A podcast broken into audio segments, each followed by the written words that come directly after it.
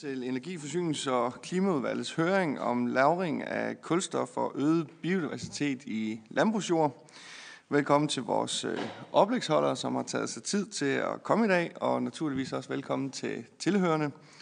Vi skal i dag høre mere omkring, øh, hvordan kulstof kan lagres i landbrugsjord og om dyrkningssystemet for Conservation Agriculture – Først vil Søren Ildsø, øh, der er landmand og næstformand i Foreningen for Reduceret Jordbearbejdning, præsentere principperne for Conservation Agriculture og øh, for de klimaeffekter, øh, det giver. Og dernæst vil Jørgen Ågaard Axelsen fra Aarhus Universitet fremlægge resultaterne fra Carbon Farm-projektet og præsentere øvrige resultater omkring sammenhæng mellem dyrkningssystemer og biodiversitet i agerlandet. Og til sidst vil øh, Jens Toksvig Bjerre fra øh, Agrovi give os et overblik over øh, nu-situationen og den økonomiske betydning for øh, landmanden. Høringen den rundes af med en debat med mulighed for spørgsmål mellem øh, oplægsholdere og øh, udvalgets øh, medlemmer. Så vi har øh, altså et øh, spændende, men også tæt program øh, foran os. Høringen den bliver jo sendt øh, på Folketingets øh, tv, hvorfor at vi skal øh, bruge korrekt øh, tiltaleform. Øh, det er for at gøre det lettere for tilhørende derhjemme også, at de ved, hvem der øh, øh, øh, siger noget, og hvem man øh, spørger øh, om noget. Men indledningsvis så øh, vil jeg give ordet til første oplægsholder, og det er Søren Ildsø. Værsgo.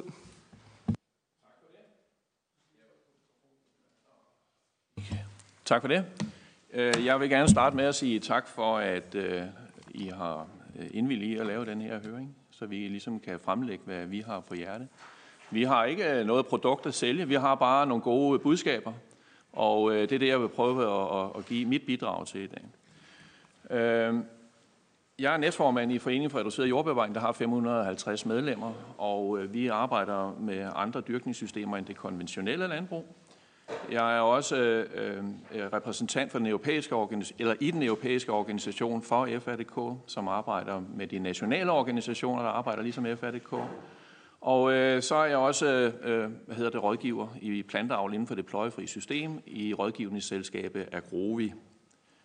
Øh, jeg er også landmand og har arbejdet med systemet i 19 år, og her er de sidste, øh, siden 2011 de sidste 8 år med Conservation Agriculture. Jeg vil starte lidt med øh, basal biologisk øh, information, vi lige skal genopfriske. Livets formel har jeg sat op her. Det er øh, jo fotosyntesen, og det er sådan set den, der er årsag til, at der er helt taget liv på den her planet. Det glemmer vi måske nogle gange. Og vi har den fantastiske proces, at seks vandmolekyler og seks CO2-molekyler går sammen via noget solenergi og noget klorofyl og danner sukker. Og det udskiller noget ild, som vi mennesker indånder. Så det viser også, at, at CO2, eller koldioxid, er jo nødvendigt i processen for, at planter kan vokse. Det skal vi ikke glemme. Vi har bare et problem, vi mennesker, at vi er ved at have for meget af det, kære CO2. Så det vi også skal betragte landbruget som, det er en stor solfanger. Altså al landbrugsproduktion, om det så ender i en liter mælk, er jo baseret på den her øh, energi. Øh, det er øh, mere komplekst end som så, men noget af det, der også foregår i den fotosyntese og planternes vækst, det er, at de også udskiller nogle stoffer i rødderne, de såkaldte rodekstrudater, som er med til at føde mikroorganismerne i jorden. Det er sådan, at en skefuld jord indeholder lige så mange organismer, som der er mennesker på hele jordkloden, og det er næsten ubegribeligt. Og de bliver født af nogle af de stoffer, altså kulhydrater og proteiner osv., som planterne udskiller. Det, det er indirekte jo også kulstof, der forsvinder ned i jorden på den måde, og det er også sådan, vi kan lære noget kulstof. Det skal vi også huske. Hele den biomasse, der er lavet i planterne, er jo også med til at øh, samle noget kulstof, som vi desværre har problemer med, det mest forsvinder igen opad i luften, eller bortførsel med den afgrøde, der bliver høstet. Det er faktisk sådan, at hvis vi ser på en ganske enkel afgrøde som en hvedemark, øh, så kan den typisk producere 5 tons halm og 7 tons øh, kerne. Og hvis vi ser, hvor meget kulstof, der er opbygget i det, så er det lidt over 2 tons kulstof i halmen og øh, to, næsten 3 tons kulstof i kernen, der bliver bortført og solgt eller brugt til foder. Og det, vi kan se over til højre, det svarer egentlig til 18.300 kilo CO2. Og så er det klart, har vi halv udbytte, så er der også halv mængde øh, CO2, og har vi højere udbytte, så er det endnu bedre. Problemet er, at hvis vi øh, brændte det hele af, så vil det gå tilbage til atmosfæren jo. Bortset fra det, der er gemt i rødderne. Den andel er svær at fastslå, men det er måske en tredjedel af den samlede mængde, der gemmer sig der. Hvis vi ser på Danmarks samlede udledning af CO2, så er det 33 millioner tons. Hvis vi forestillede os, at øh, der var dyrket eksemplet her på hele arealet, så er vi altså optaget mere CO2, end der findes, eller der udledes af hele det danske samfund. 45.000 tons. Det er store mængder. Lad mig gå videre og lige beskrive, øh, hvad Conservation Agriculture egentlig består af. Det er tre vigtige elementer, tre søjler. Den første hedder minimal eller ingen forstyrrelse af jorden. Og hvorfor er det så vigtigt? Jo, I kan jo se, at den maskine, der kører her, den har jo evnen til at så i noget øh, stup, der har været høstet en afgrøde. Og uden at gøre mere, uden at vende jorden, er den faktisk i stand til at placere kernerne til den næste afgrøde. Med systemet er man faktisk i stand til også at så direkte i en, i en efterafgrøde eller en mellemafgrøde. Det vil sige, at vi kan have bevoksning længere tid. Og det er jo klart, at der er jo fotosyntese i den også, og der foregår noget mikrobielt i den.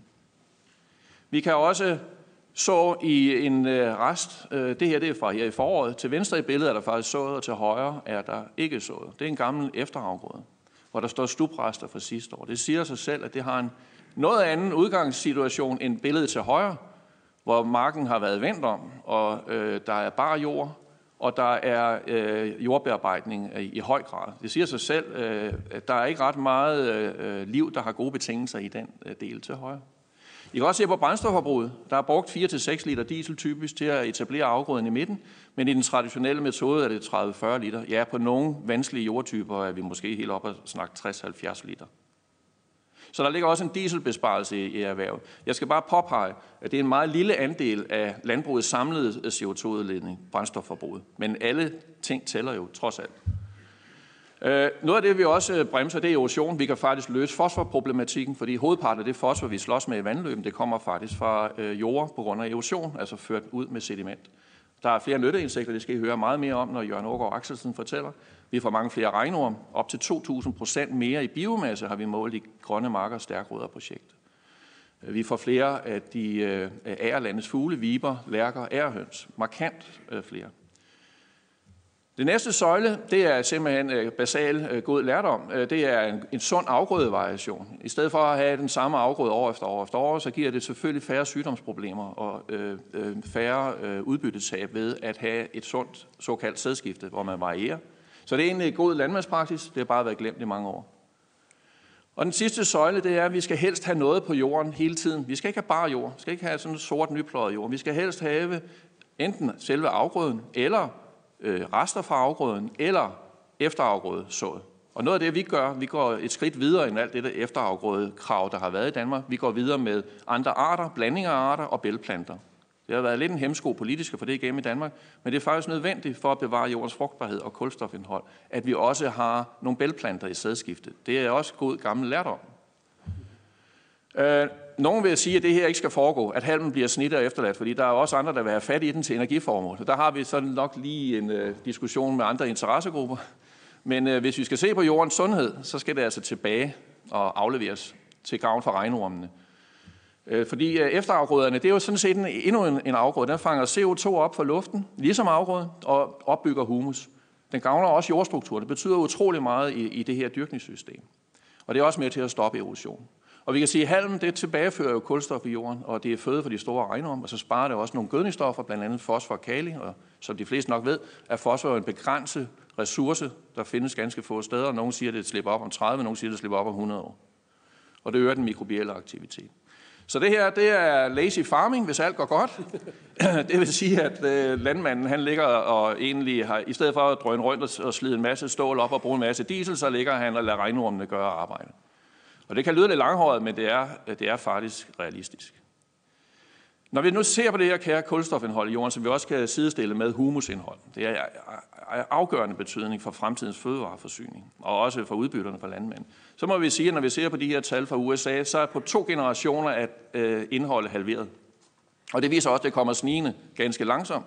Det er ikke, der er ikke nogen, der opdager det. Og når man virkelig opdager det, så er det ved at være for sent. Grunden til, at den kurve begynder at stige, det er, at man har ændret dyrkningsformer og gået i retning af direkte såning og conservation agriculture. Vi har nøjagtigt det samme billede i Danmark. Det her det er jordtyper. Det, jeg skal ikke gå i detaljer, vi har ikke meget tid. Men øh, dem over til højre, det er de gode jordtyper, altså lerjordene. Og det er dem, der taber allermest kulstof. Altså Vi ser øh, nedenunder, at en lærjord, JB7, den, kan, den taber i gennemsnit ifølge kvadratnetundersøgelserne øh, 1200 kilo kulstof årligt. Det er altså over 4 ton CO2, der forsvinder på en eller anden måde. Og det kan vi selvfølgelig ikke fortsætte, fordi så ender man bare med mineralsk jord og ikke øh, nogen biologi i jorden. Det samme øh, er også øh, beregnet i øh, undersøgelser fra Aarhus Universitet, og det er faktisk øh, heldigvis bremset lidt. Vi har mistet 1,8 millioner ton CO2 øh, på landsplan, og nu er vi nede på 1,2 millioner tons. Men øh, det er stadigvæk store tal. Kulstofindholdet øh, i relation til landbrug og jordkvalitet har man jo sat øh, op i et system, der hedder Dexter Radio, og det er simpelthen forholdet mellem lerindhold i jorden og kulstofindhold. Og øh, når vi øh, ryger over 10 i Dexter Radio, så har vi et problem. Så begynder jorden at blive meget vanskelig at bearbejde, det bliver svært at etablere en afgrund, den bliver meget følsom over for store mængder regn, og det er jo det, klimaeksperterne siger, der bliver mere af i fremtiden. Den bliver også mere følsom over for tørk. Og det betyder, at øh, vi kan se de, de gode jorder på Østjyllands kyst, øh, store dele af Fyn, Sjælland og især Lolland Falster og Bornholm er kraftigt udsat for det her. Så der er altså også et, øh, et, et rent øh, landbrugsmæssigt problem, hvis ikke den øh, udvikling den vendes. Og hvad betyder det her kulstofindhold så for jorden? Jamen jeg skal ganske kort bare lige vise et, et, øh, en graf fra Ross Hampstead i England, hvor der har været lavet øh, forsøg i 150 år. Det er meget sjældent, det findes.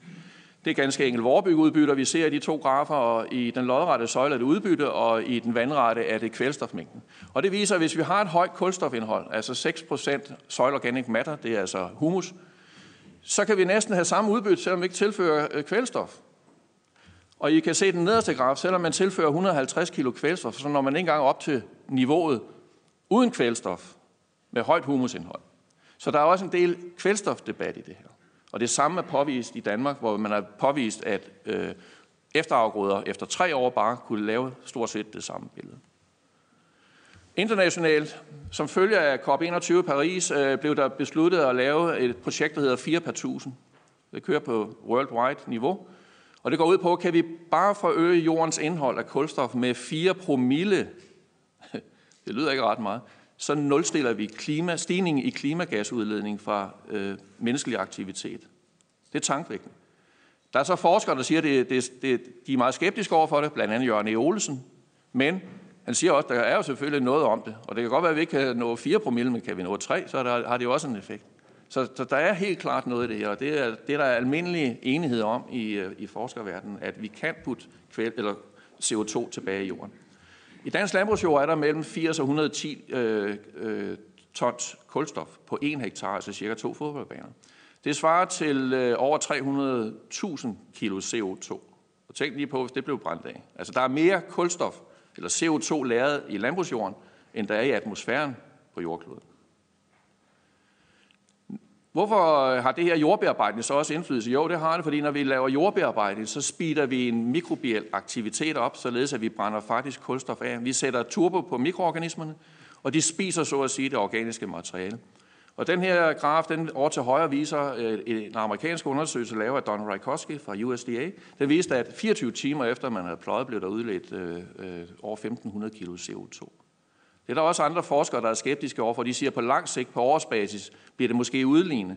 Men jeg har også øh, undersøgelser, der viser, at øh, der, der er øh, typisk 25-30 procent mindre udledning ved direkte såning eller conservation agriculture. Så det har også en indflydelse. Men jeg kan sige, at her mangler vi akut dansk forskning. Vi skal simpelthen have fundet ud af den her faktor. Vi kan ikke lave et grønt regnskab for et landbrug, hvis ikke vi kender det tal.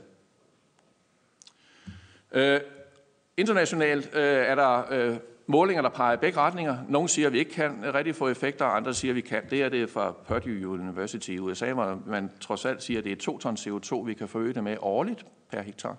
Prøv lige at se op på tredje linje. Det svarer til træer. Det er sangvægten. Når vi ser på øh, europæiske øh, forskningsresultater, så er der et overblik her, hvor vi yderst til højre, der står direkte SART.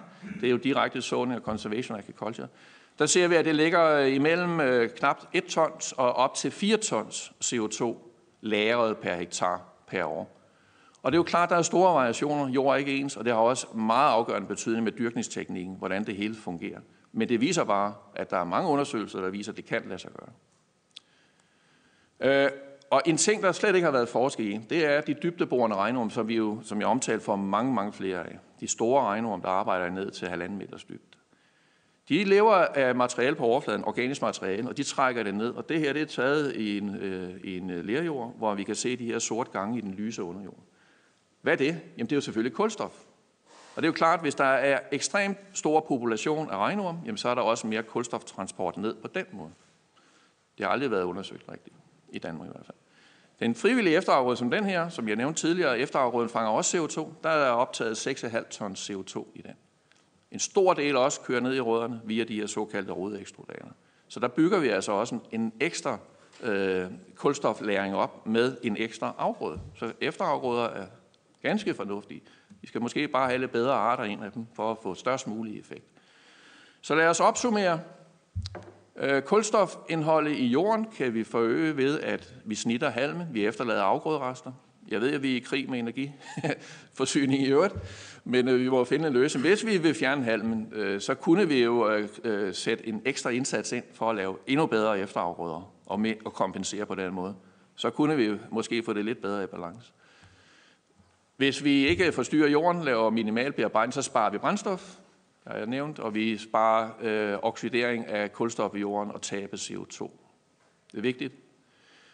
Efterafgrøder, vi skal have nogle artsblandinger ind, vi skal have flere, flere bælplanter ind, og øh, Aarhus Universitet har nu vendt øh, og anbefaler det faktisk, nu ligger det øh, og afventer øh, en, øh, en godkendelse i Landbrugsstyrelsen, at vi ligesom får de her arter med. Jeg håber snart, det kommer. Øh, vi skal have tilstrækkelige mængder næringsstoffer. Altså for at bygge humus op, så skal vi faktisk bruge noget både kvælstof, fosfor og svovl. Og det er jo lidt i øh, dilemma med øh, frygten for kvælstof øh, i vandmiljøet.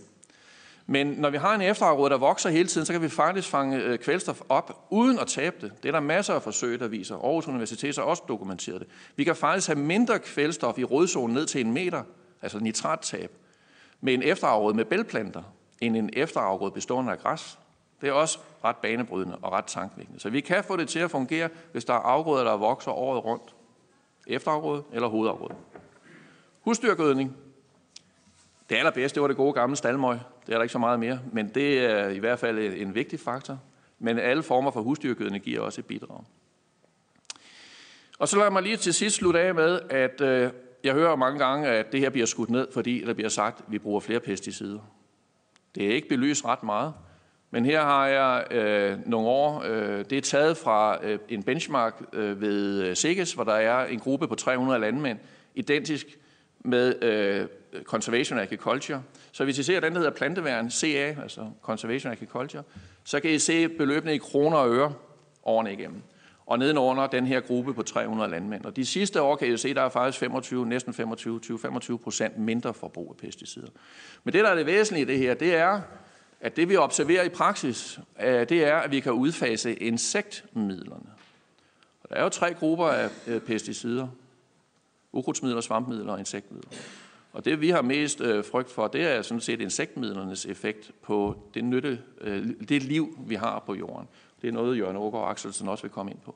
Det viser sig faktisk, at vi kan udfase øh, det stort set, øh, ikke bruge dem imod lus blandt andet, og i vinterraps har der været store problemer i, i mange landbrug ved, at en, et skadedyr, der hedder rapsjordlop, angriber. Det ser vi slet ikke i det her system. Vi kan faktisk nærmest ikke finde dem. Så det er rigtig spændende. Vi mangler bare mere, mere forskning på det. Men det er faktisk biologisk kontrol i stor skala, ikke bare i drivhus, men i stor skala af skadedyr. Og så til sidst, tiden løber stærkt, så vil jeg lige sige, at øh, for de, der har mulighed for det, sæt kryds i kalenderen til næste år, den 29. juni til 2. juli, der er faktisk øh, banebrydende at verdenskongressen, den 8. verdenskongres i Conservation Agriculture afholdes i Schweiz, og ECAF er medarrangør på det. Der kommer alle, øh, al viden på banen, og øh, det bliver rigtig spændende. Der bliver også besøg på landbrug i, i og omkring Schweiz og Sydfrankrig. Så øh, det kan jeg kun opfordre til. Tak for opmærksomheden. Jeg har brugt 16,5 minutter. Jeg har 20 minutter, så der kan blive tid til et spørgsmål her, selvom jeg ser, der er debat til sidst. Tak. Ja, men øh, jeg tror nu, at vi alligevel øh, samler spørgsmålene til sidst. Øh, hvis øh, du vil øh, slukke din mikrofon, så, øh, så samler vi spørgsmålene til sidst, øh, så øh, alle medlemmerne de noterer øh, spørgsmål til de forskellige oplægsholdere, øh, og så øh, øh, tager vi dem samlet. Men øh, mange tak skal du have, øh, Søren Nilsø. Øh, næste oplægsholder, det er Jørgen Ågaard Axelsen, fra, der er seniorforsker ved Aarhus Universitet, som jo altså vil fremlægge nogle resultater fra Carbon Farm-projektet. Værsgo. Jeg, har, jeg kommer fra Institut for Bioscience, øh, så jeg er ikke en del af den normale landbrugsforskning, kan vi sige, men jeg har arbejdet med landbrugsskadedyr og kontrol af landbrugsskadedyr i hele min videnskabelige karriere, som er ved at have været nogle år, været nogle år efterhånden. Jeg arbejder også med beslutningsstøttesystemer i forhold til skadedyr i, i landbrug, overvejende i Afrika, men også lidt i Danmark. Øh, og jeg har nu fornøjelsen at tale her for jer, og jeg har kaldt mit foredrag Conservation Agriculture, slå mange fluer med et smæk. Øh, og det er sådan den opfattelse, jeg egentlig har af Conservation Agriculture. Og jeg vil tale mest om dem, jeg har fremhævet øh, med, med fed heroppe. Øh, og jeg vil sige, at øh, jeg har skrevet i overskriften slå mange fluer med et smæk landbruget som en del af løsningen. Fordi jeg ser øh, conservation agriculture som en mulighed for, at landbruget kan blive en del af løsningen af et miljøproblem, i stedet for, som vi egentlig er vant til, blive anset for en, en del af problemet. Øh, og det, jeg skal snakke om her, det er så bedre forhold for de naturlige prædatorer, og det giver så en bedre regulering af skadedyr, øh, som Søren lige har nævnt. Der vil være flere insekter i marken igennem hele året. Der vil blive øh, flere frø på markoverfladen, og det giver så flere fugle. Øh, og det kommer jeg også lidt ind på. Og endelig regnormene, som Søren lige nævnte hurtigt, og hvad de så betyder. Jeg vil starte med en, en fødekæde her, sådan teorien bag, øh, hvordan øh, conservation agriculture giver mere insektliv i, i jorden. Hvis vi starter over til venstre med afgrøderester og efterafgrøder, øh, afgrøderesterne er døde plantedele i forvejen, og efterafgrøderne bliver typisk slået ned, når der sås. Øh, så de bliver øh, fødegrundlag for mikrosvampe, der så udgør fødegrundlaget for nogle bitte små dyr, som man normalt ikke kender, kaldet springhaler, men der kan være mange tusind per kvadratmeter i, i landbrugsjord. Øh, og de springhaler er så fødegrundlaget for æderkopper, rovbiller og løbebiller, der så, hvis vi starter fra neden, øh, ser på det fra neden, har, er en del af en anden fødekæde, der består først af afgrøden, og der er bladlus i afgrøder, og ah, det kunne også være andre skadedyr, men i det her tilfælde har jeg skrevet bladlus. Øh, og de bliver så også spist af æderkopper, rovbiller øh, og, og løbebiller. Og vi kan så sige, at ved at øh, bruge conservation agriculture, sørger vi for, at der kommer afgrøderester tilbage til marken, og efter afgrøderne bliver brugt, de er markeret med blå, det er dem, vi kan påvirke. Og det vil sige, at vi faktisk fodrer den fødekæde, jeg lige snakkede om, så vi får øh, forøget øh, antallet af mikrosvampe, springhaler og æderkopper, løbebiller og rovbiller i den anden ende. Øh, så vi fodrer systemet i conservation agriculture, hvilket så betyder, at der er flere æderkopper, rovbiller og løbebiller til stede i marken til at kontrollere bladlusene, der jo generer afgrøden. Så det er, øh, der er tale om en, øh, en, en kontrol, som vi kalder øh, conservation biocontrol på godt dansk. Øh, hvad så med, med, med pløjning? Når man pløjer en mark, så plejer jeg egentlig at sige, at det svarer til en, et jordskæld på en 12-14 stykker på Richterskalaen når man ser på det med, med jordfagne øjne. Og den store tsunami ude i Sydøstasien, den var altså på 9 på Richterskalaen. Så en 12-14 stykker, det er noget, der vil noget. Øh, og det forestiller jeg også, at det hele bare bliver vendt ned. Altså overfladen bliver vendt ned i 25 cm dybde. Det er jo ganske alvorligt. Så derfor har jeg sat korsets tegn her ved springhaler, på grund af, at de, de bliver dræbt ved den øh, øh, behandling. Æderkopper, rovbiler, løbebiler bliver dræbt ved den behandling i meget store tal. Øh, så det er jo uheldigt. Så kan man så sige, det var teorien. Holder teorien så i praksis? Og vi har så været ude og, og undersøge det i det projekt, der kaldes, vi kalder Carbon Farm. der har vi også undersøgt øh, indholdet af prædatorer, og vi har så her øh, først springhalerne som fødegrundlaget, og I kan se dyrene over til højre, de er sådan i størrelsesorden 1-3 øh, mm i størrelse, så når de er smækket op i stor størrelse der, så ser det drabeligt ud i forhold til, hvordan de er. Øh, men de spiller en stor rolle. Små dyr kan spille en stor rolle, når der er mange af dem. Og vi har over til venstre pløjet, og over til højre CA, som står for Conservation Agriculture. Så vi kan se, at der er dramatisk mange flere i, øh, i marken, når der øh, har været dyrket Conservation Agriculture i forhold til pløjning. Det er faktisk en størrelsesorden 4-5 øh, flere, og Harvard ligger sådan lidt midt imellem. Øh, ser vi så på, om der er flere løbebiller og rovbiller, jamen det er der. Øh, vi har her de blå søjler til venstre, det er det pløjede, og de orange søjler til højre, det er Conservation Agriculture. Og vi kan så se, at der er en betydelig forskel.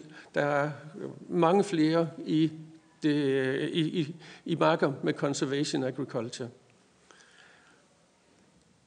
Går jeg videre øh, og, og ser på springhaler i et system, hvor der har været øh, efterafgrøder, så er det nu her nogle data fra Forskningscenter Årslev øh, på Fyn, helt, data helt tilbage fra år 2000. Øh, og når vi ser på igen sammenligningen mellem de blå søjler og de orange søjler, så de blå søjler denne gang er, øh, når der er brugt efterafgrøder, og jeg har kun taget data med fra den efterafgrøde, der hedder olieredike, og så sammenlignet med kontrollen, hvor jorden lå bar uden efterafgrøder i løbet af vinteren. Og øh, her har vi så taget prøver igennem sommeren bagefter, og I kan tydeligt se, at der er langt, langt flere springhaler i, øh, i de afgrøder, hvor, eller i de marker, øh, forsøgsplot, hvor vi har haft efterafgrøder. Og vi når helt op på øh, omkring 120.000, øh, og det er per kvadratmeter. Det er altså rigtig mange. Det er nærmest uofficielt verdensrekord for, for springhaler i, i agerjord. Øh, og så er det igen også med øh, bedre forhold for prædatorerne. Virker det i virkeligheden? Her har vi så været ude og, og se øh, hos nogle øh, private avlere i juni 17 og spurgt, øh, eller fået lov til at tage prøver i deres marker. Det er hos avlere, der har dyrket øh, pløjefrit øh, igennem mange år, blandt andet hos Søren. Øh, og været ude, vi har været ude at tage prøver hos deres naboer i sammenlignelige marker. Og vi har her øh, resultaterne fra, fra de undersøgelser, hvor vi har en enkelt af arterne, det er den, der øh, er øh, markeret med blåt, og orange, det er total øh, med, med løbebiler. Og igen, der er klart flere i det, øh, i det system med conservation agriculture, end der er i det pløjede. Springhaler, øh, det er i samme marker, og vi har igen billedet, at der er klart flest øh, overflade, af de overfladelevende springhaler i, øh, det, i conservation agriculture, øh, end der er i øh, det pløjede. Specielt for den art, der hedder græsspringhale, som er en af de arter, vi ved er rigtig god for prædatorerne. Det er en, en art, der har støj, stor fødekvalitet for dem.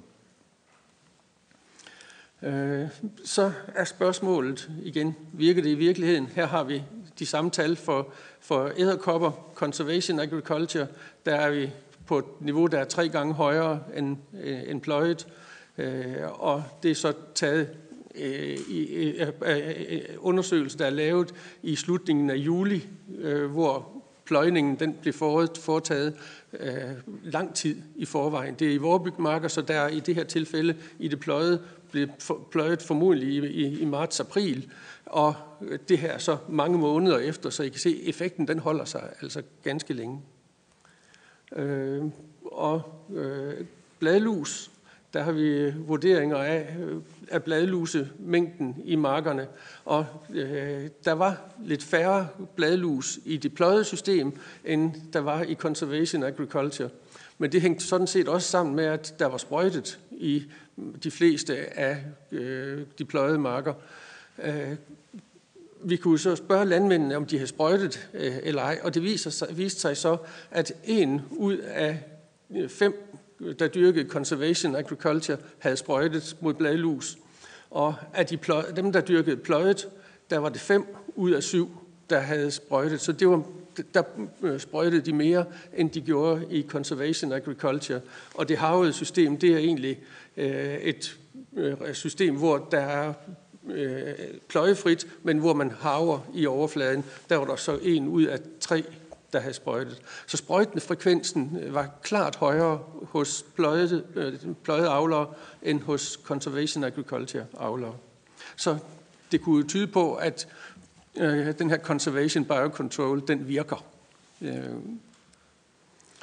Og så har vi også været i gang med at se på tal for, øh, for regnorme, og det er så en, et resultat fra en stor analyse, der er lavet på, jeg mener, det, det, husker det som europæisk plan, øh, og resultaterne siger så i det her tilfælde, at no-tillage, altså det pløjefri dyrkning og conservation agriculture øger biomassen med 100-200 procent. Så øh, det er mange flere regnorme, der kommer i det. Og øh, der står så arten øh, L. terrestris, Lumbricus terrestris. Det er en af de store regnorme, som laver de dybgående gange, som, som Søren viste billeder af. Øh, den er især meget følsom over for, øh, for pløjning, øh, fordi den er så stor, den har en lang livscyklus, den øh, er, har en livscyklus, der går over to til tre år, så den er meget sårbar over at blive pløjet i stykker så kan vi sige, at afgrøde rester øger den positive effekt af pløjefri dyrkning. Så det er så en af elementerne i øh, conservation agriculture, er at have afgrøde rester på marken, og det fremmer så uh, regnormene. Så har jeg en hel masse med småt skrift her. Det skal I ikke kunne læse. Det er bare fordi, det skal være der, hvis I skal bruge det. Øh, den her med flere insekter i marken hele året rundt. Vi kunne se på grund af, øh, af, af, af fødekæden, jeg startede med at vise, at der vil være flere rovbiler, løbebiler, æderkopper. Det gælder også mange andre insekter, der ikke bliver slået ihjel af, af pløjning. Så der er flere insekter i conservation agriculture. Øh, det ved vi. Og vi har også resultater øh, fra udlandet, der, der viser, at der efterlades flere ukrudtsfrø, flere spildfrø fra afgrøden på overfladen. Det giver øh, frø til fuglene igennem vinteren. Så vi kan sige, at logisk set bør der være flere fugle i conservation agriculture. Øh, og det har vi sådan set desværre ikke rigtig noget øh, håndfast forskning på i Danmark. Øh, men der er resultater fra USA, og det er så noget af det, jeg har nævnt, der, øh, der, der, der viser, at de har, har klart flere fugle i marker, der er dyrket efter conservation agriculture-principper.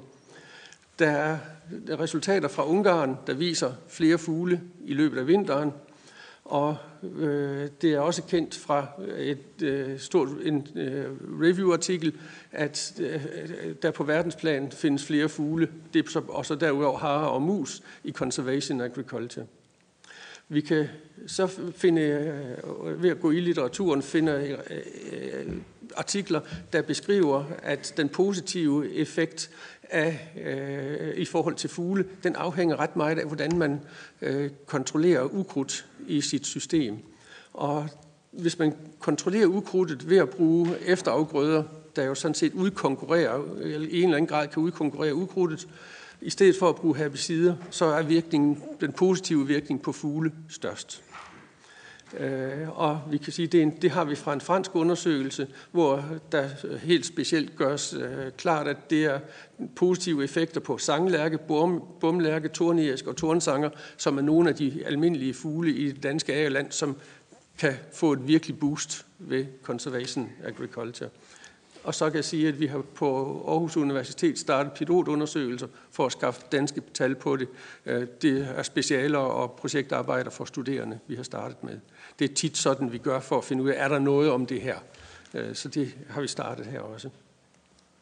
Og så vil jeg egentlig bare sige tak for jeres opmærksomhed, og jeg synes, Conservation Agriculture kan give mange positive ting til det danske samfund. Hvad siger du? Ja. Mange tak for det, Jørgen Ågaard Axelsen. Øh, sidste oplæg inden spørgsmål øh, og drøftelser, det er ved Jens Toxus Bjerre, der er driftsøkonom ved øh, Agrovi. Værsgo. Ja, tak.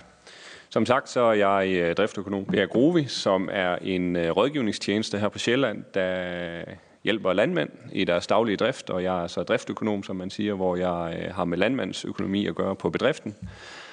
Øh, som et sideløbende projekt, så har jeg fået lov at være regnedreng på det projekt, Agrovi kører i samarbejde med Københavns Universitet, der hedder Grønne Marker, Stærke Rødder, hvor vi sammenligner de tre dyrkningsformer, som Jørgen Åke Axelsen beskrev før, øh, på øh, bedriftsniveau med hinanden, øh, for at få nogle øh, flere, øh, noget mere beskreven oplysthed om, hvordan de her tre forskellige driftsformer de, øh, er i forhold til hinanden. Øhm, og det er egentlig derfor, at jeg, har, jeg er med i dag, og så giver jeg også nogle betragtninger i kraft af min økonomuddannelse og øh, på, på den beslutningstagning, der eventuelt kunne være øh, på det her mundrette navn, Conservation Agriculture. Hvis vi lige øh, har en introduktion til, hvordan øh, jeg som økonom ser det her, jamen så har vi jo hørt to oplæg her tidligere, som øh, har nogle ret øh, inspirerende ting omkring øh, biologien og øh, agronomien i conservation agriculture, men det er jo også vigtigt at holde sig for øje, at vi skal have noget, der er økonomisk holdbart, hvis der skal ske en udbredelse af den her dyrkningsform i Danmark. Det er jo ikke nok med, at der er nogle øh, naturmæssige øh, fornuftige ting i det, men der skal også være et øh, regulært økonomisk incitament, fordi ellers så øh, er det svært at få en rigtig udbredelse. Så det vil jeg give et bidrag på, og så øh, kan man jo sige, at conservation agriculture er en dyrkningsform, hvor man jo ikke bearbejder jorden, altså man har sådan set en, et lavere input i form af jordbearbejdning og maskineri. Det er jo et mindre input, og som økonom, så vil vi jo gerne se, om vi kan så bibeholde det samme output. Altså det er en ren produktivitetsbetragtning. Kan vi få noget af den produktivitet, som vi egentlig higer så meget efter i øh, flere steder i det danske samfund?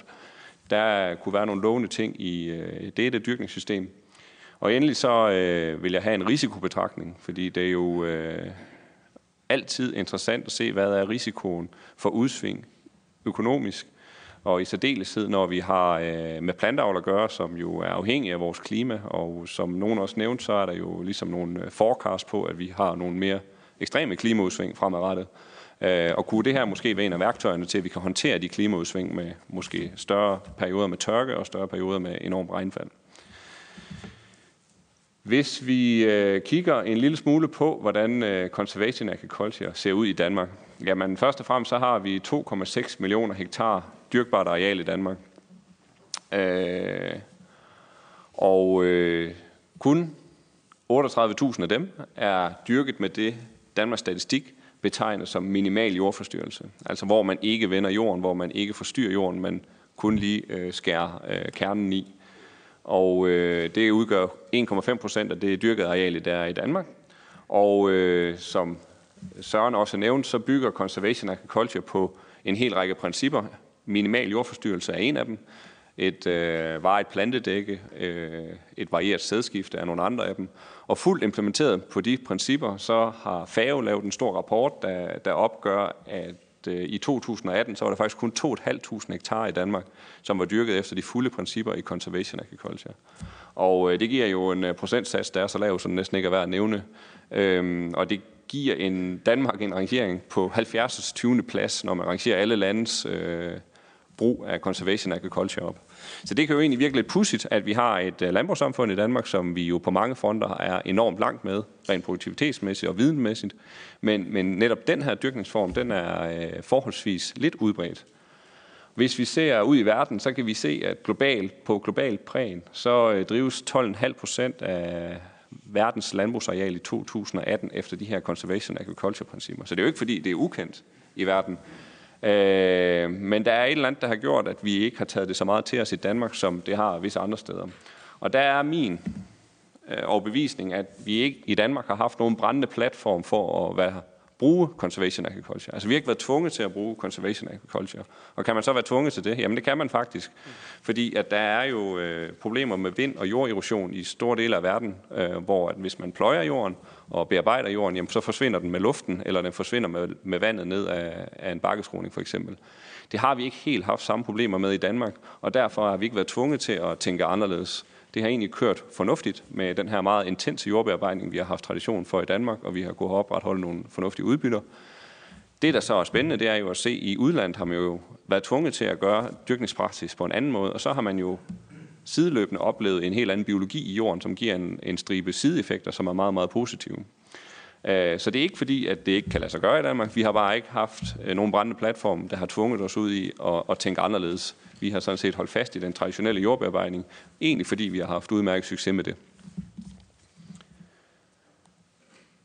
Hvis øh, vi kigger lidt mere snævert på øh, landmandens økonomi, når man øh, vælger at omlægge sin øh, markdrift fra øh, måske almindelig pløjning til conservation agriculture, jamen så sådan i litteraturen og i forskningsværken, så er det faktisk et forholdsvis ubeskrevet område, hvordan økonomien ser ud. Meget forskning, det handler om øh, de biologiske aspekter, de agronomiske aspekter, som er øh, på nogen vis øh, ganske velunderbygget, men det er ikke så ofte, at økonomien har været prioriteret lige så højt.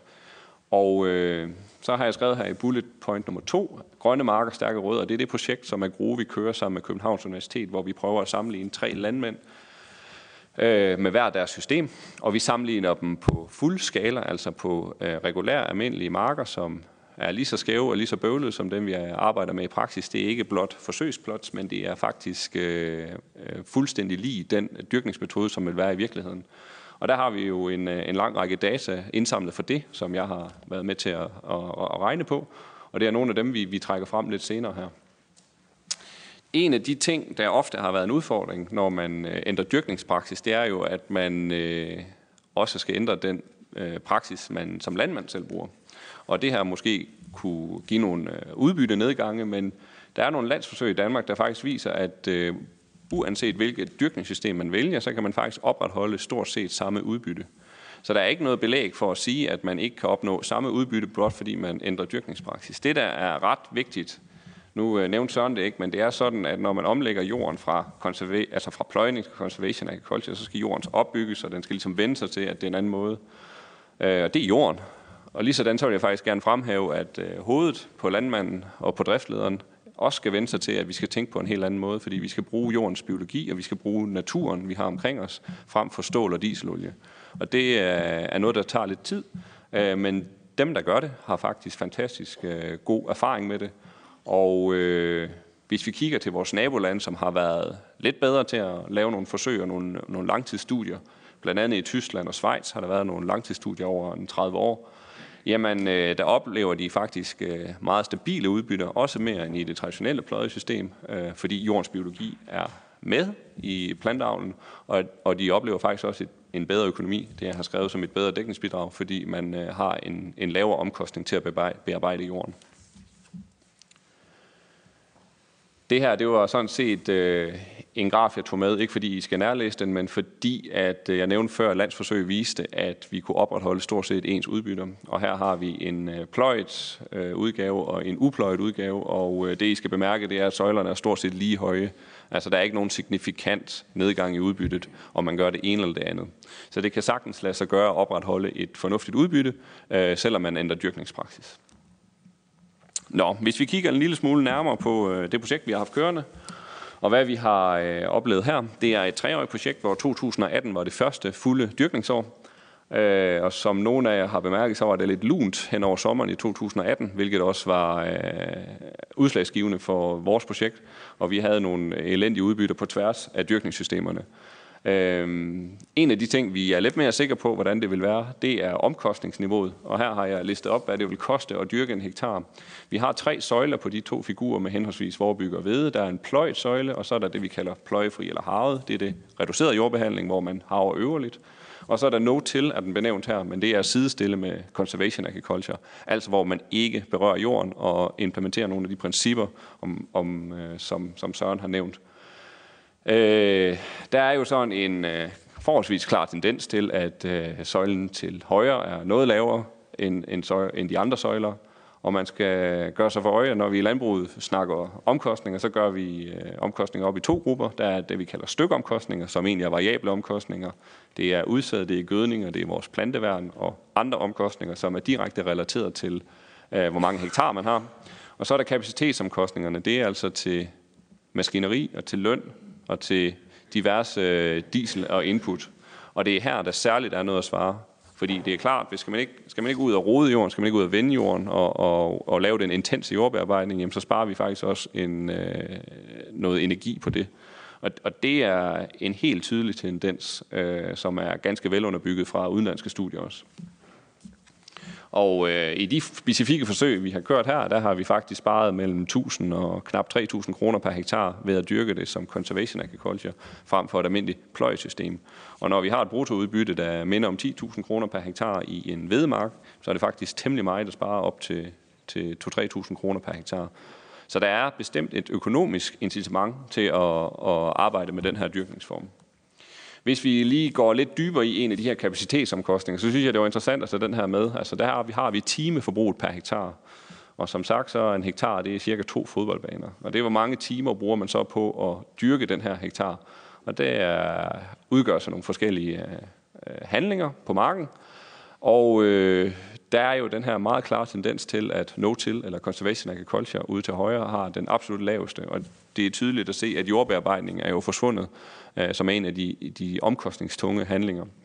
Øh, og, og det her med at nu så har han benævnt det som lazy farming, og det er jo sådan set måske fornuftigt nok, men øh, jeg ser det egentlig øh, som som med økonomibriller som et produktivitetsfremgang. Altså vi kan dyrke flere hektar, eller dyrke de samme hektar med, øh, med færre timer. Og det er jo egentlig en meget interessant dagsorden i et landbrug, vi har i dag, hvor nogle af os i hvert fald har svært ved at skaffe øh, de hænder, vi gerne vil have.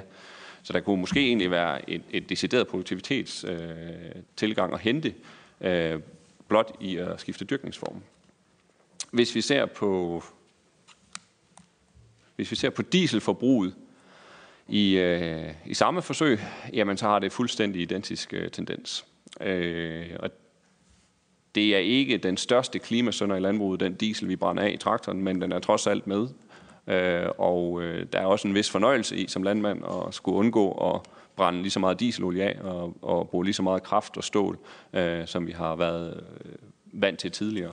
Så der er en helt klar øh, fordel her. Hvis vi ser lidt på, hvordan er en landmand, der har et dyrkningssystem, der hedder Conservation Agriculture, sammenlignet med en almindelig pløjet landmand, hvordan ser det ud? Jamen, jeg nævnte før, at vi kan spare øh, mellem 1000 og knap 3000 kroner per hektar i øh, dyrkningsomkostninger. Og hvordan øh, kan vi så kan vi, kan vi opgøre det til noget? Jamen, vi kan jo sådan set sige, at der bliver investeret øh, 1000-3000 kroner mindre per hektar Øh, og hvis vi omregner det til et, øh, et udbytte per hektar, jamen så har vi jo ved en pris på 135 for maltbyg og 120 for hvede, som er en øh, nogenlunde fornuftig markedspris, jamen så kan vi sådan set holde til som conservation agriculture landmand og dyrke mellem 700 kilo og, og knap 2400 kilo mindre per hektar. Og så når vi har gjort alt op efter året er om, så er vi sådan set økonomisk lige godt stillet. Men det er så også vigtigt for mig at understrege, at det er jo ikke fordi, vi skal have lavere udbytte. Det er slet ikke det, der er formålet. Men jeg mener faktisk, at vi tager noget risiko ud af den øh, dyrkningsform, vi har, hvis vi investerer færre kroner per hektar. Fordi der er jo øh, risiko for, for udbytteudsving, uanset hvilken dyrkningsform man har, øh, af forskellige årsager. Øh, så det normale udbytte, det skal holdes, og øh, som jeg egentlig nævnte før, så er det meget, meget vigtigt, at man holder et højt driftlederniveau. Altså vi har at gøre med et dyrkningssystem, som er relativt ubeskrevet, øh, og hvor vi skal bruge en række elementer fra jordens biologi og, og nogle forskellige ting, som ikke er så velskrevet. Der er ikke dyrkningspraksiser, i, øh, der går 100 år tilbage, ligesom der er for pløjning, men, det er, men, men her der skal man ligesom som landmand opretholde et meget højere vidensniveau, og man skal have en stor interesse for at gøre det på den her måde. Og det lykkes for nogle af dem, der gør det, Øh, det er blot en konstatering af, at man, man øh, hæver altså sin faglighed, når man øh, arbejder øh, med den her dyrkningsform.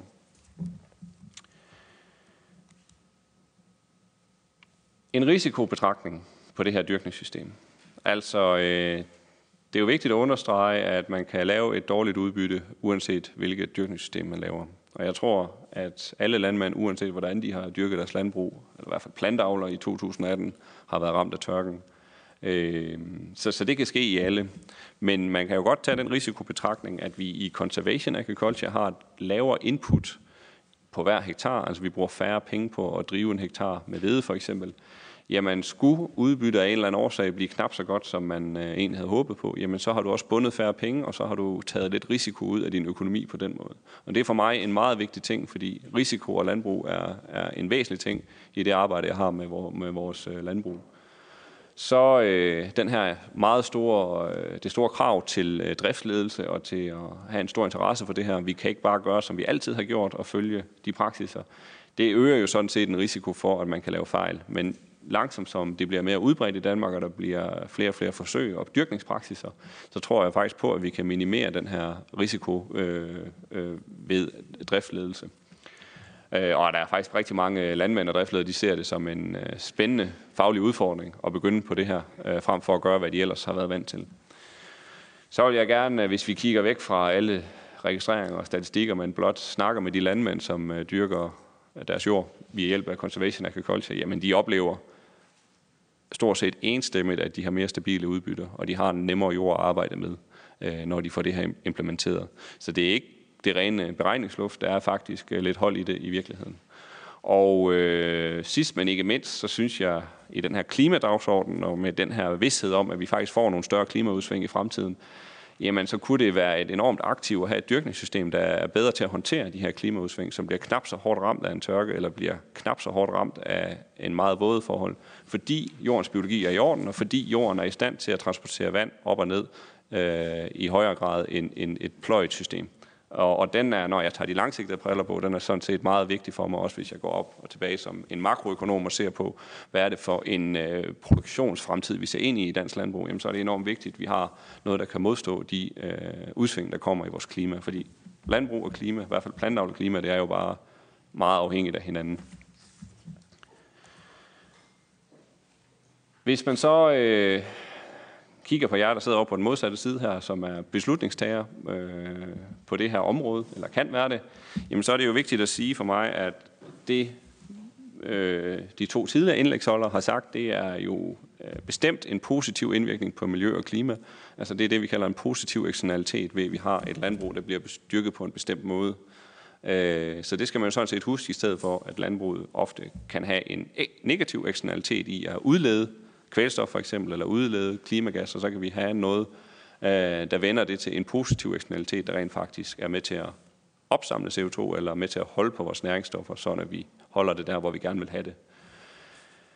Søren nævnte lidt om, at jordens frugtbarhed er i tilbagegang, sådan i almindelighed i Danmark, og det er jo faktisk en øh, langsigtet trussel imod det at dyrke afgrøder i Danmark. Og hvis vi kan øh, have et dyrkningssystem, der bibeholder eller i bedste fald øger jordens frugtbarhed, så er det jo faktisk den allerbedste forsikring, vi kan lave langt ud i fremtiden for, at vi øh, har et fornuftigt og et produktivt landbrug i fremtiden, der kan øh, producere nogle ordentlige fødevarer. Fordi hvis vi mister vores kulstof i jorden, jamen så bliver det altså sværere at opretholde en fornuftig landbrugsproduktion. Så alene det, når vi tager de helt langsigtede briller på, så synes jeg, at der er nogle perspektiver i conservation agriculture, som sådan for en økonom også er meget vigtige, fordi vi bibeholder øh, et potentiale i den landbrugsjord, vi har. Og øh, så synes jeg også, det er værd at nævne, at vi har nogle øh, afgrøder, som er meget oplagte til conservation agriculture. Altså det er vores kornafgrøder, vores frøgræsafgrøder, men så har vi også nogle, for eksempel roer og kartofler, hvor øh, der typisk er behov for en meget intens jordbearbejdning, som er knap så oplagt til conservation agriculture. Det kan lade sig gøre, men det er med lidt mere udfordringer, og det er knap så velafprøvet som nogle af de andre. Lidt opsamling. Så min konklusion på det her, mit kendskab til det her, og det jeg har set, så vil jeg faktisk gerne øh, konkludere, at conservation agriculture er økonomisk holdbart. Ja, vi har nogle fornuftige klimaeffekter. Vi har nogle dyrkningspraksiser, der kan være godt for vores jord og vores klima, men der er også økonomi i det. Og der skal være økonomi i det, for ellers så øh, bliver det aldrig udbredt. Og øh, der er faktisk en, der er en ganske god økonomi i det, og nogle steder så ser vi, at det er en positiv effekt at spare de her omkostninger og bibeholde det samme øh, udbytte. Så jeg er bestemt positiv over for, at det kan bidrage til landmandens økonomi på bedriftsniveau, og sådan jo sådan set også øh, på samfundsniveau, hvis vi formår at, at øge vores produktivitet. Og det her med produktiviteten, det er øh, en væsentlig ting, fordi man kan opretholde det samme udbytte, altså høstet kilo per hektar, øh, men man kan have lidt mindre input i form af maskineri, og faktisk måske også endda i gødning og pesticider, når det conservation agriculture er, er fuldt implementeret. Øh, så vi har det, jeg kalder mere med mindre, og simpelthen øge produktivitet. Og det er øh, på sin vis ret øh, fantastisk, at man ved hjælp af omlægning af et dyrkningssystem kan øge produktiviteten, fordi den her produktivitetsøgning er jo sådan en, vi kæmper lidt med en gang imellem. Den er svær at få til at blive, blive rigtig stor. Og her er måske et værktøj til, at vi kan få en bedre produktivitet i vores øh, landbrugsarealer, samtidig med, at vi gør noget fornuftigt for det miljø, der omgiver vores landbrug. Så øh, stilles der større krav til vores driftledelse. Øh, man skal være vidende, man skal være dygtig, øh, men jeg tror også, at der, det virker til, at der er i hvert fald blandt den unge generation også en meget stor interesse for det her, fordi det simpelthen er en faglig meget, meget spændende ting at arbejde sammen med naturen øh, på den her måde, øh, mere end man har været vant til. Og øh, så vil jeg også fremhæve, at jeg synes, at vi kan reducere vores produktionsrisiko, altså reducere risikoen for dårlige udbytter, øh, hvis vi får større klimatiske udsving i fremtiden. Det var sådan set øh, mine ord lige for nu.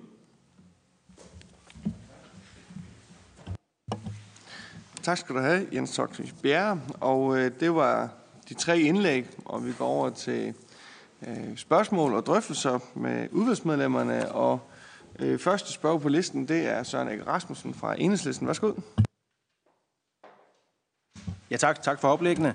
Øh, jeg har tre spørgsmål, måske mest til Jens Toksvig. Øh, du nævnte, at, at det kræver en, en vis øh, overmål for omlægning.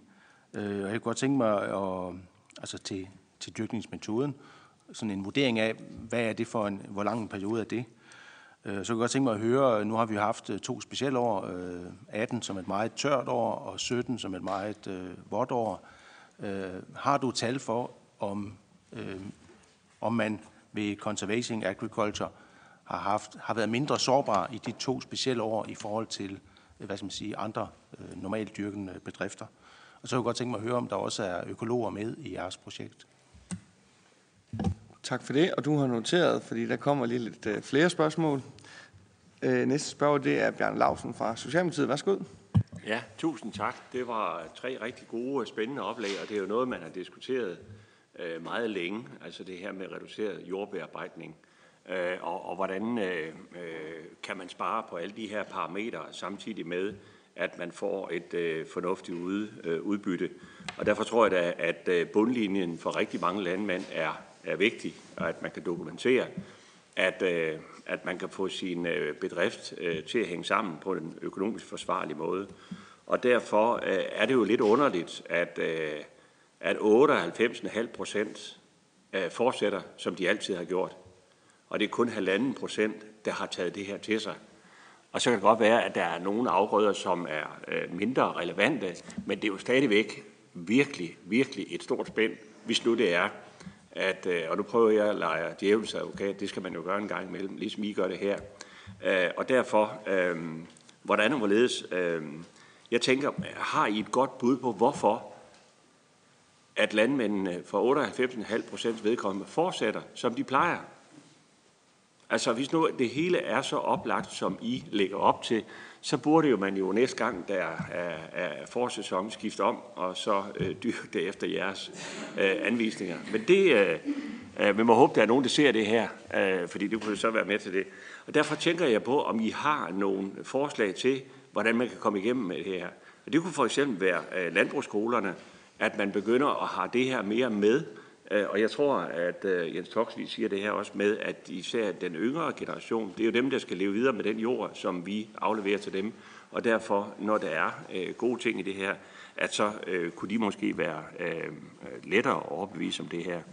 Og derfor øh, øh, økonomi, øh, ud over det der med øh, oplysning og så videre, vi giver tilskud til, højere tilskud til økologi. Øh, hvis man nu tænkte sig, at det her øh, ville være godt, kunne man så øh, fremme det her ved at sige, at øh, de øh, landmænd, der øh, har reduceret jordbearbejdning, de får større hektartilskud end de andre. Kunne det være en fremgangsmåde for at få skiftet? Ja, tak. Øh, var, er der nogen spørgsmål stillet som bestemt, øh, eller var det sådan lidt mere... De, der ønsker at svare, de er velkommen til dette, og vi øh, starter øh, ved Øh, Jens øh, Bjerre, værsgo. Ja, tak. Det første spørgsmål om, hvor lang en omlægningsperiode øh, du spurgte om, Søren Erik Rasmussen. 3 til fem år er sådan øh, almindelig øh, velment, at det, er, det tager noget tid, inden jorden øh, bygges op. Det er sådan, at øh, vi i dag har benævnt Conservation Agriculture, som er den fulde implementerede dyrkningsmodel, hvor vi ikke rører jorden, og vi har alle tre principper indbygget. Men der er jo faktisk øh, mange landmænd, som bruger sådan en eller anden form for mellemting, hvor man øh, haver lidt i jorden, men, men øh, bearbejder jorden lidt mindre intenst, end, end, end en pløjning gør.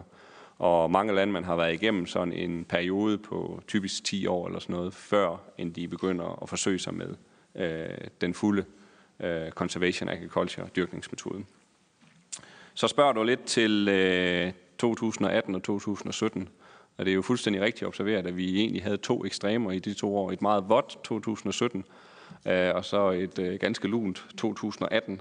Øh, de projekter, vi har kørt, der har vi faktisk kunne se, at i 2017, der har de kunne etablere deres afgrøde. Det var faktisk en, en væsentlig ting, fordi der var mange i efteråret 2017, de fik slet ikke etableret deres afgrøde, fordi det, der var to dage, hvor det ikke regnede i efteråret.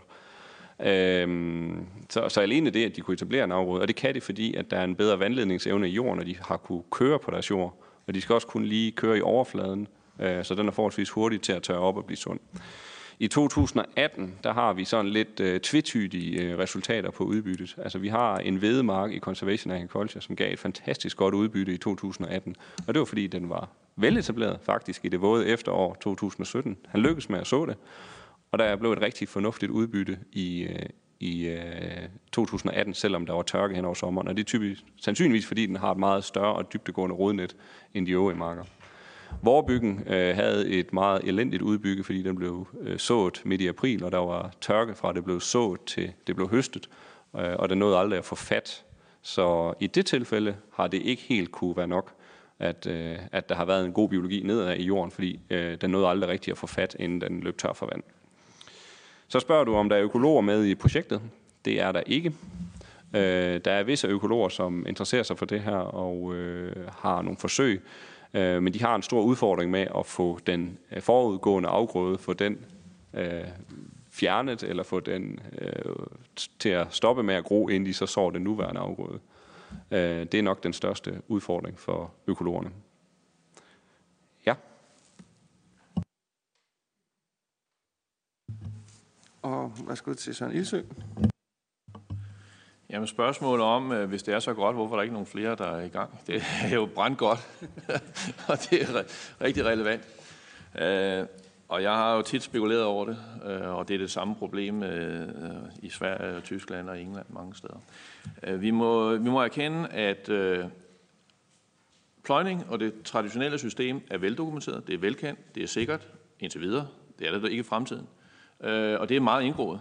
Og som landmand udstiller man jo sit håndværk lige ud til landvejen. Hvis man er IT-programmør og kører hjem klokken 4 om eftermiddagen, så er der ikke nogen, der kan se, at man har været der. Det hele ligger inde i noget software. Og den der ære i at vise sit øh, landbrug frem, det ligger dybt i mange landmænd. Og nogle de ryster jo på hovedet det her system, fordi det er jo ren anarki og kaos. Der er jo halmrester og stup og sådan noget, der står der, og en afgrød, der kommer op igennem. Mange landmænd de vil se en mørk mark, der er nypløjet, grønne striber. Psykologi, kæmpe øh, element i det her. Og så må vi sige, at øh, vi taler om en omlægningstid, og de landmænd, der har blå prikker på Dexter-radiokortet, de har en længere omlægningstid, end de, der har det modsatte.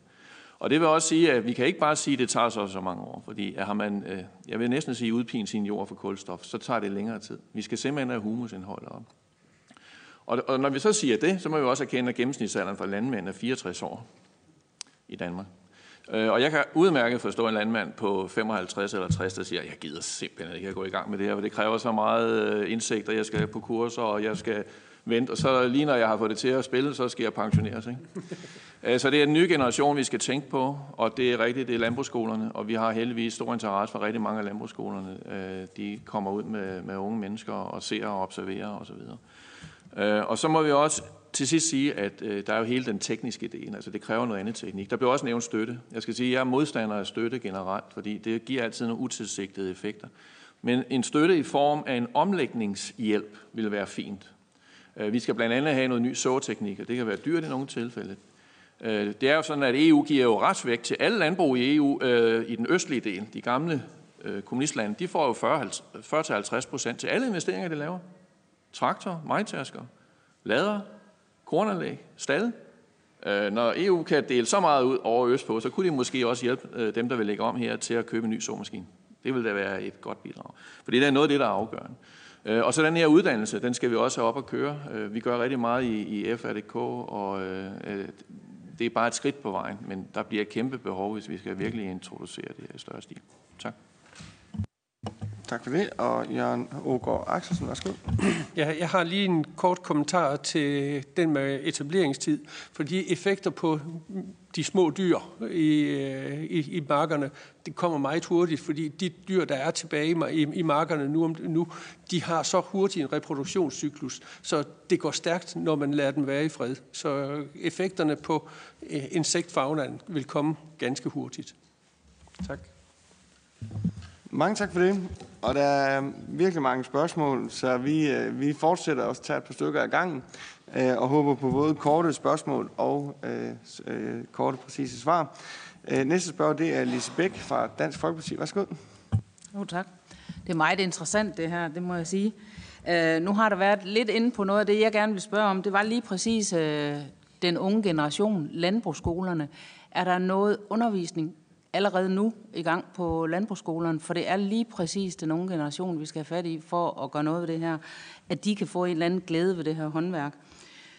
Jeg skal nok gøre kort. Øh, der må også være forskel på, hvor i landet det er bedst at dyrke det her, altså jordtyper. Også nu blev det nævnt, at øh, roer og kartofler var svære at have med at gøre, men øh, det, det, der må være stor forskel på det. Øhm, og så netop, hvordan er det, vi kommer videre med det her? Og ja, jeg er også imod landbrugsstøtte, men det kan godt være, at det er omlægningsstøtte, vi kigger på, vi skal kigge på her. Fordi jeg kan ikke forstå, hvorfor det her det ikke er lidt mere udbredt, end det allerede er. Men øh, det var bare kort. Tak til Lise Bæk. Næste spørger, det er øh, Carsten Bak fra Liberale Alliance. Værsgo. Ja, det er jo ikke for at være kedelig, men, men jeg vil godt blive ved med at kredse lidt om, om det, vi allerede har kredset en del om det her med, med overgangen, og ikke nu snakker i 3 til fem år. Øh, heldigvis så lyder det jo som om, at måske de biologiske øh, effekter, de kommer relativt hurtigt, men, men som vi også kan konstatere, som der på den her side af bordet i hvert fald øh, er meget opmærksom omkring, det er det her med, med økonomien i det, og derfor så er det nok også mest et spørgsmål til, til dig, øh, Jens øh, Øh, eventuelt også lidt, øh, lidt ned til Søren, øh, det her med den overgangsperiode. Jeg, jeg, jeg, jeg ser ikke rigtig i de der økonomiske betragtninger, du laver, Jens, der ser jeg ikke rigtigt et tal for, hvad er øh, udbytte-indtjeningsnedgangen i den her overgangsperiode, som jo så øh, er relativt lang, 3 til fem, måske endda øh, flere år end det, når vi snakker økologiomlægning, fordi det er jo, øh, kan man sige, også det eksempel, der bliver brugt til sammenligning her, ikke? så er der jo en, en omlægningsstøtte på to år. Øh, så, så et konkret tal for, hvad er øh, udbytteskråstre indtjeningsnedgangen i den overgangsperiode, som jeg jo så øh, synes lyder temmelig lang. Øh, og så, øh, Søren, du kredsede lidt omkring den her konflikt, der er over til energi-varmesektoren med hensyn til halm. Øh, og der er jeg lidt i tvivl om, om, om den manglende indtægt, øh, det er jeg godt klar over, det er ikke alle landmænd, der har en indtægt fra øh, salg af halm til, øh, til varmeproduktion. Øh, men, øh, men sådan generelt, så vil der jo være for erhvervet et, øh, en indtægtsnedgang, hvis man snitter halmen kontra det, at man sælger den til, øh, til vores øh, varmeforsyning. Er den regnet med ind i de økonomiske beregninger, du har, Jens? Og hvis ikke den er, hvad er det for et niveau, vi er, vi er på der indtjeningsmæssigt? Tak for det. Jeg tror godt, vi kan nå et spørgsmål mere. Det er fra Christian Pold fra Alternativet. Værsgo. Tak for det. det. Det er altså to, hvis jeg må have lov. Øhm, det ene handler om, øh, øh, om det her med sædskiftet og brugen af sprøjtegifte, og, og, og som jeg har forstået det, så er det jo også noget af det, som økologerne har taget til sig, eller øh, fortsat gør, som er, er, er god landmandspraksis, nemlig sådan et syvårigt sædskifte, eller hvad der nu er og det er jo det, der, det, er det, der gør det muligt, øh, at, at, øh, at tingene ikke overlever til næste år. Det er jo, at man flytter rundt. Og det er jo så vidt jeg har forstået, både ukrudt og skadedyr. Øh, hvordan kan det være, at det er øh, problematisk, øh, så man stadig har brug for at bruge sprøjtemidler, hvis man laver det her sædskifte, som økologerne godt kan få til at virke uden sprøjtemidler? Det er det ene spørgsmål.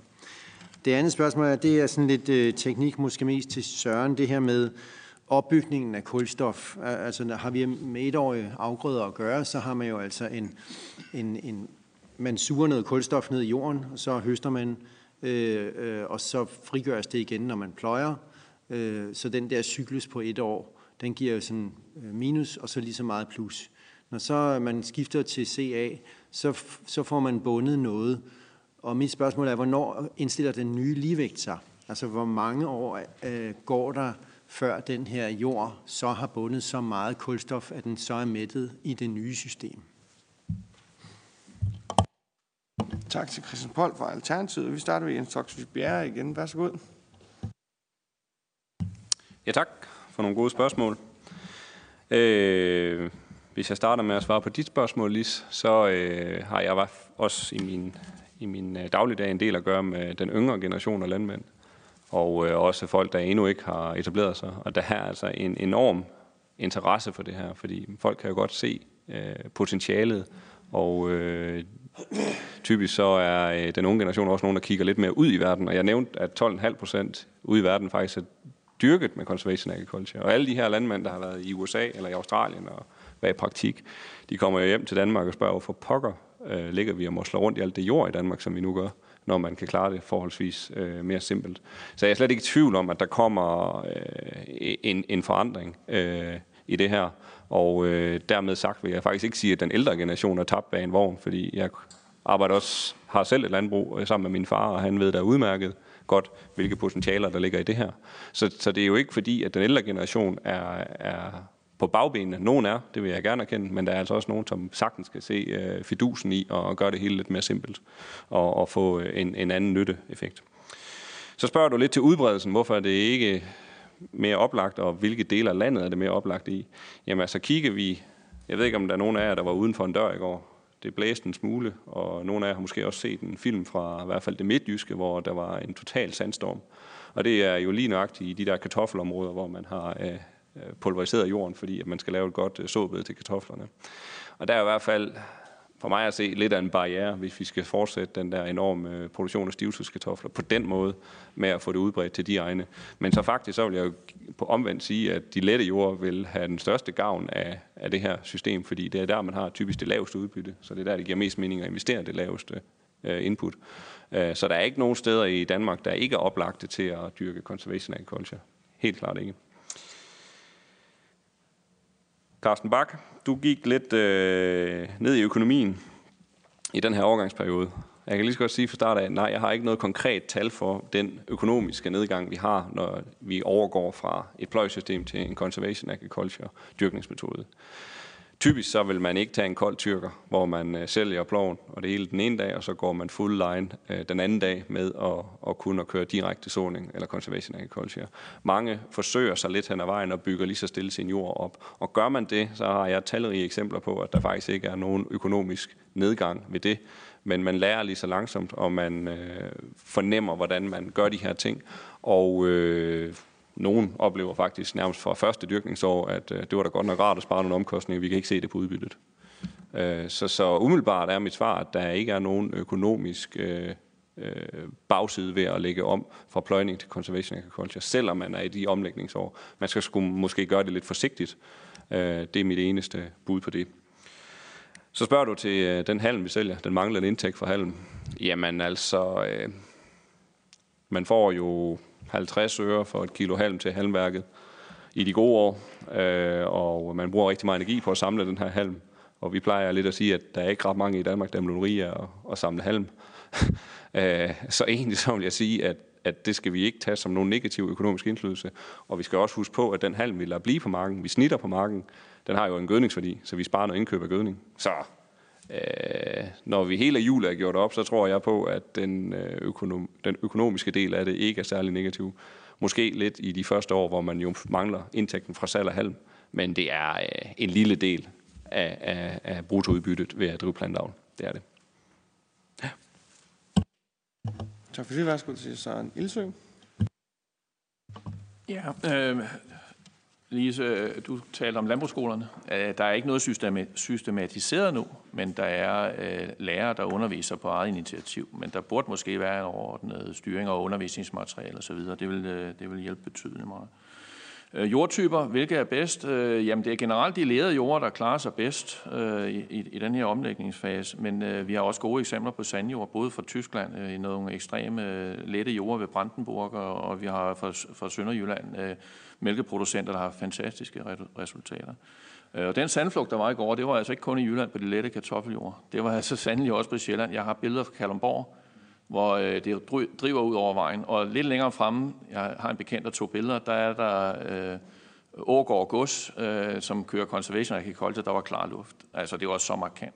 Der bliver ikke flyttet et sandkorn eller lerpartikel på det her systems øh, vegne.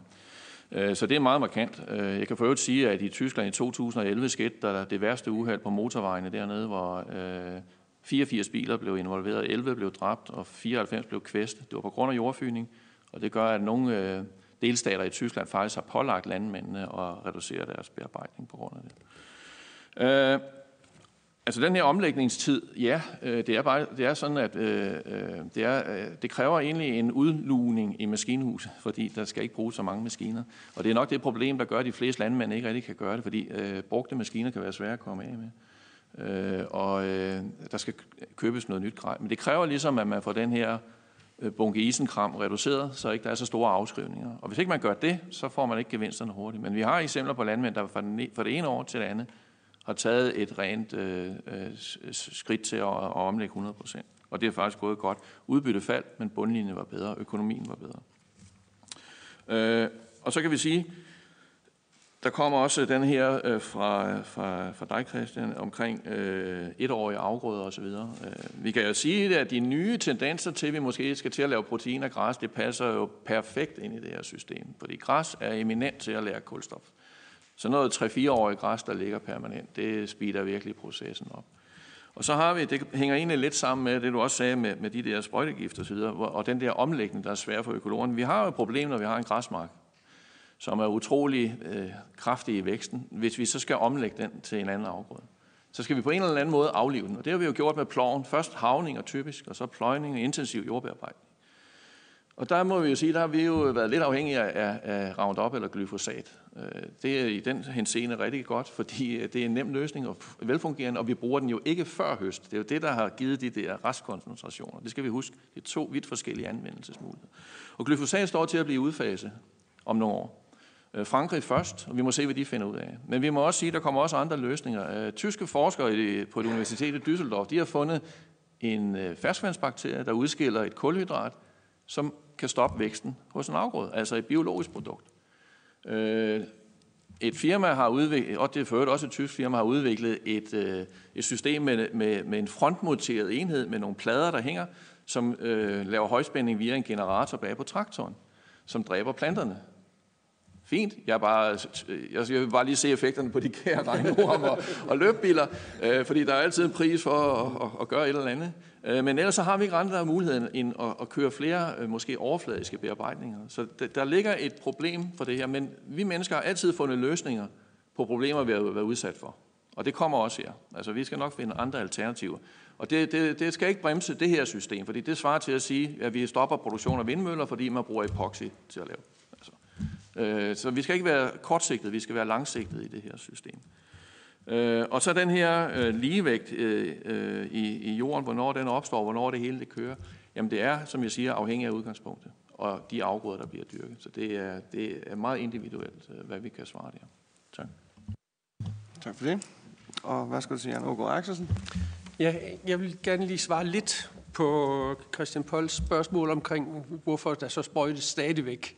Og det findes der ikke noget helt klart svar på, men jeg vil bare lige sige, at der er ikke meget erfaring med, øh, med rådgivning omkring skadedyrskontrol i, øh, i conservation agriculture. Fordi hvis du tager bladlusepopulationsstigninger, der er det jo sådan, at det, det kan gå rigtig stærkt, fordi øh, de har en hurtig populationsvækst. Men med den øh, naturlige regulering, der findes i conservation agriculture, er der ikke rigtig nogen, nogen erfaring til at rådgive på grundlag af her i Danmark. Desuden findes der ikke beslutningsstøttesystemer øh, til hjælp på det felt øh, inden for conservation agriculture, som der findes inden for det almindelige landbrug. Så hvis der blev udviklet det, så var der chance for, at man kunne foretage en mere optimeret øh, bekæmpelse af skadedyr, hvis man skal det. Øh, men Søren siger jo, at man behøver nærmest ikke at bekæmpe skadedyr med pesticider. Man skal bare lære, at man kan undvære det. Tak. Tak for det. Og næste spørger på listen, det er Willem Christensen fra Liberale Alliance. Værsgo. Tak for det. Øh, jeg tror, jeg vil komme med en, med en generel betragtning. En af de figurer, eller en af de plancher, jeg synes, der var mest interessante, det var den her sovende øh, landmand, øh, der lå og sov til middag, samtidig med, at, at ormen øh, lavede arbejde. Øhm, kan man gå så vidt og sige, at altså, det er jo sjældent, vi ser sådan nogle ting i lærebøgerne i økonomi, at vi får højere produktivitet ved ingenting at lave. Altså. øhm, og vi går jo normalt, og når det er så overraskende, så er det egentlig også fordi, at jeg, jeg, jeg troede faktisk, at vi var rigtig, rigtig produktive i dansk landbrug. Det er vi vel egentlig også, men, men når man kan blive endnu mere produktiv ved at, at, at sove øh, til middag, så må det jo betyde alt andet lige, at noget af det landmanden så hidtil har lavet, har været dysfunktionelt i forhold til udbytte. Kan man, kan man gå så vidt og sige, at jeg har også lidt Bjarnes betragtning, kan det virkelig passe det her? Ikke? Var det ikke sådan, øh, du, du lader det an, Bjarne? Der må være noget andet her. Ikke? Altså, vi, vi, hørte, vi hørte, at der var ikke ligesom nogen brændende platform, ellers så havde man jo... Hvorfor, hvorfor gør man det ikke, når, når det er så indlysende? kan man tænke det sådan, at logikken i dansk landbrug, det har jo været at blive større og større, endnu større maskiner, mere metal, mere dieselolie, hvis man kan sige det på den måde. Og så skal det se pænt ud, som, som Søren var inde på. At det faktisk er sådan en logik, der, der fylder så meget i, i, i, hos landmanden, så han går hen og opererer dysfunktionelt. Så mit spørgsmål er, kan man virkelig sige det, at meget af det landmand, eller noget af det landmand, han gør, det, det er reelt er dysfunktionelt i forhold til, til, til, til udbytte. For det, det er jo en, det synes jeg er helt fantastisk, øh, hvis, hvis, hvis det er sådan. Men, men, men er, er der noget om det? Kan man sige det sådan bottom line, øh, siden han kan sove til middag og få en højere produktivitet? Tak for det. Næste spørger, det er Øjvind Wilsert fra Enhedslisten. Ja, tak. Øhm, jeg kan godt øh, følge William Christensens betragtninger, og jeg kan vel næsten øh, svare ja. Det er der vel meget, der tyder på, men det øh, må vi se, om panelet svarer det samme. Enhedslisten vil jo gerne have en total overgang til økologisk jordbrugsproduktion i Danmark, men det her synes jo at være et skridt i den rigtige retning. Jeg kunne godt tænke mig at høre panelets kommentar til, hvis man øh, tager skridtet fuldt ud og siger, øh, nu skal landbruget omlægge øh, til conservation agriculture. Øh, hvad vil forhindringerne være i det? Hvad, hvad ser I af udfordringer, hvis man siger, at nu udfaser vi pløjning i en, eller begrænser det stærkt, hvis det kan lade sig gøre, øh, og forbyde det helt? Øh, hvad vil forhindringen så være? Nu hørte vi, at kartoffelproduktion kunne være stærkt udfordret, øh, andre kunne være det også, men øh, jeg vil godt lige høre øh, panelets kommentar. Tak til Øjvind Vilsholm. Og øh, næste spørger, det er mig selv. Øh, jeg kunne godt lige tænke mig at spørge Jørgen Ågaard Axelsen i forhold til det forskningsøkonomiske omfang, som man egentlig godt kunne tænke sig, hvis nu at man skulle komme med en opfordring fra øh, øh, dig til øh, os politikere. Hvad er det for nogle størrelsesordner, vi taler om, der er behov for i Danmark? For eksempel hvis man sammenligner med øh, udlandet, øh, hvor mange penge de prioriterer på det. Øh, kan du give et billede af, hvad vi taler om? Og i forhold til Jens Toksvig Bjerre, så kunne jeg godt tænke mig at spørge til de økonomiske besparelser, som du præsenterer her. Er det for en allerede indkøbt øh, maskinpark? Fordi at der bliver jo øh, nok lidt ligesom sådan Ildsø også hentyder til nogle udfordringer for særligt de, nok de mindre landbrug, som har en øh, plov og øh, en maskinpark, øh, at skal lave de her øh, indkøb. Øh, og de er vel det er noget for dyrene. Altså er det her en øh, produktionsform for øh, godser og større jordbrug, øh, hvor det er økonomisk rentabelt? Værsgo for øh, hurtige besvarelser af alle spørgsmål, fordi vi nærmer os en, øh, en slutning. Og undskyld, værsgo til øh, Jens Toksvig Bjerre. Ja, tak. Willem Christensen, øh, jeg tenderer til at øh, være enig i nogle af dine betragtninger, faktisk. I hvert fald omkring den her logik med, at vi øh, skal pløje, vi skal have sort jord, vi skal øh, have det her fine, fine såbed. Øh, hvorvidt at det er dysfunktionelt, at landmanden ikke har tænkt så langt. Jamen altså, øh, dansk landbrug er produktiv på den måde, at vi altid har været dygtige til at få et højt bruttoudbytte. Altså vi har altid dyrket meget per hektar, vi har fået meget mælk per ko og, og så videre. Men vi har øh, så sandelig faktisk også øh, opfundet mange omkostninger, som, som følger med op af. Så totaløkonomien er ikke markant bedre, end vi ser i de, de lande, vi, vi, vi sammenligner os med. Øhm, og så er der en vis form for at have store maskiner og stor stål. Øh, og så skal det også siges, at noget af den teknik, man bruger i conservation agriculture, faktisk er relativt ny teknik. Vi har ikke set så mange løsninger på det, på det tidligere. Øhm, så egentlig, ja.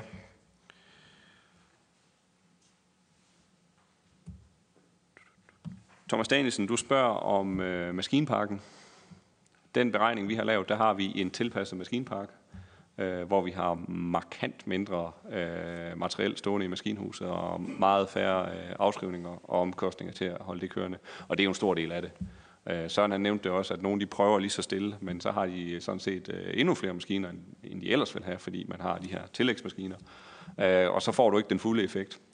Øh, så det er derfor, det er meget vigtigt, når det ligesom er fuldt implementeret, at man så får slanket sin maskinpark og får slanket sin bedrift. Det er en mere enkel måde at gøre det på.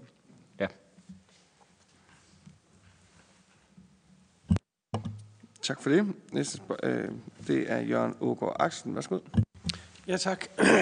Med hensyn til, hvor stort et forskningsbudget, der skal til for at, at give nogle svar, det er jo et meget svært spørgsmål at komme op med, eller i hvert fald komme med et svar på. Øhm, og det afhænger også af, hvilke spørgsmål det er, du vil have besvaret. Øh, og er det sådan, så et spørgsmål om, hvor, øh, hvordan øh, man optimerer koldioxidlagringen i jorden. Er det et spørgsmål om, hvordan man øh, sørger for at optimere skadedyrsbekæmpelsen? Er det et spørgsmål om, hvordan øh, man får det bedste udbytte samtidig?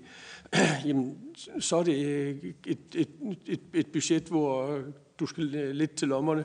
Øh, men er det, stiller du bare spørgsmålet med, hvordan eller om der kan laves beslutningsstøttesystemer til, til det, jamen så kommer du et godt stykke vej for, en, for et forskningsprogram på 20-30 millioner.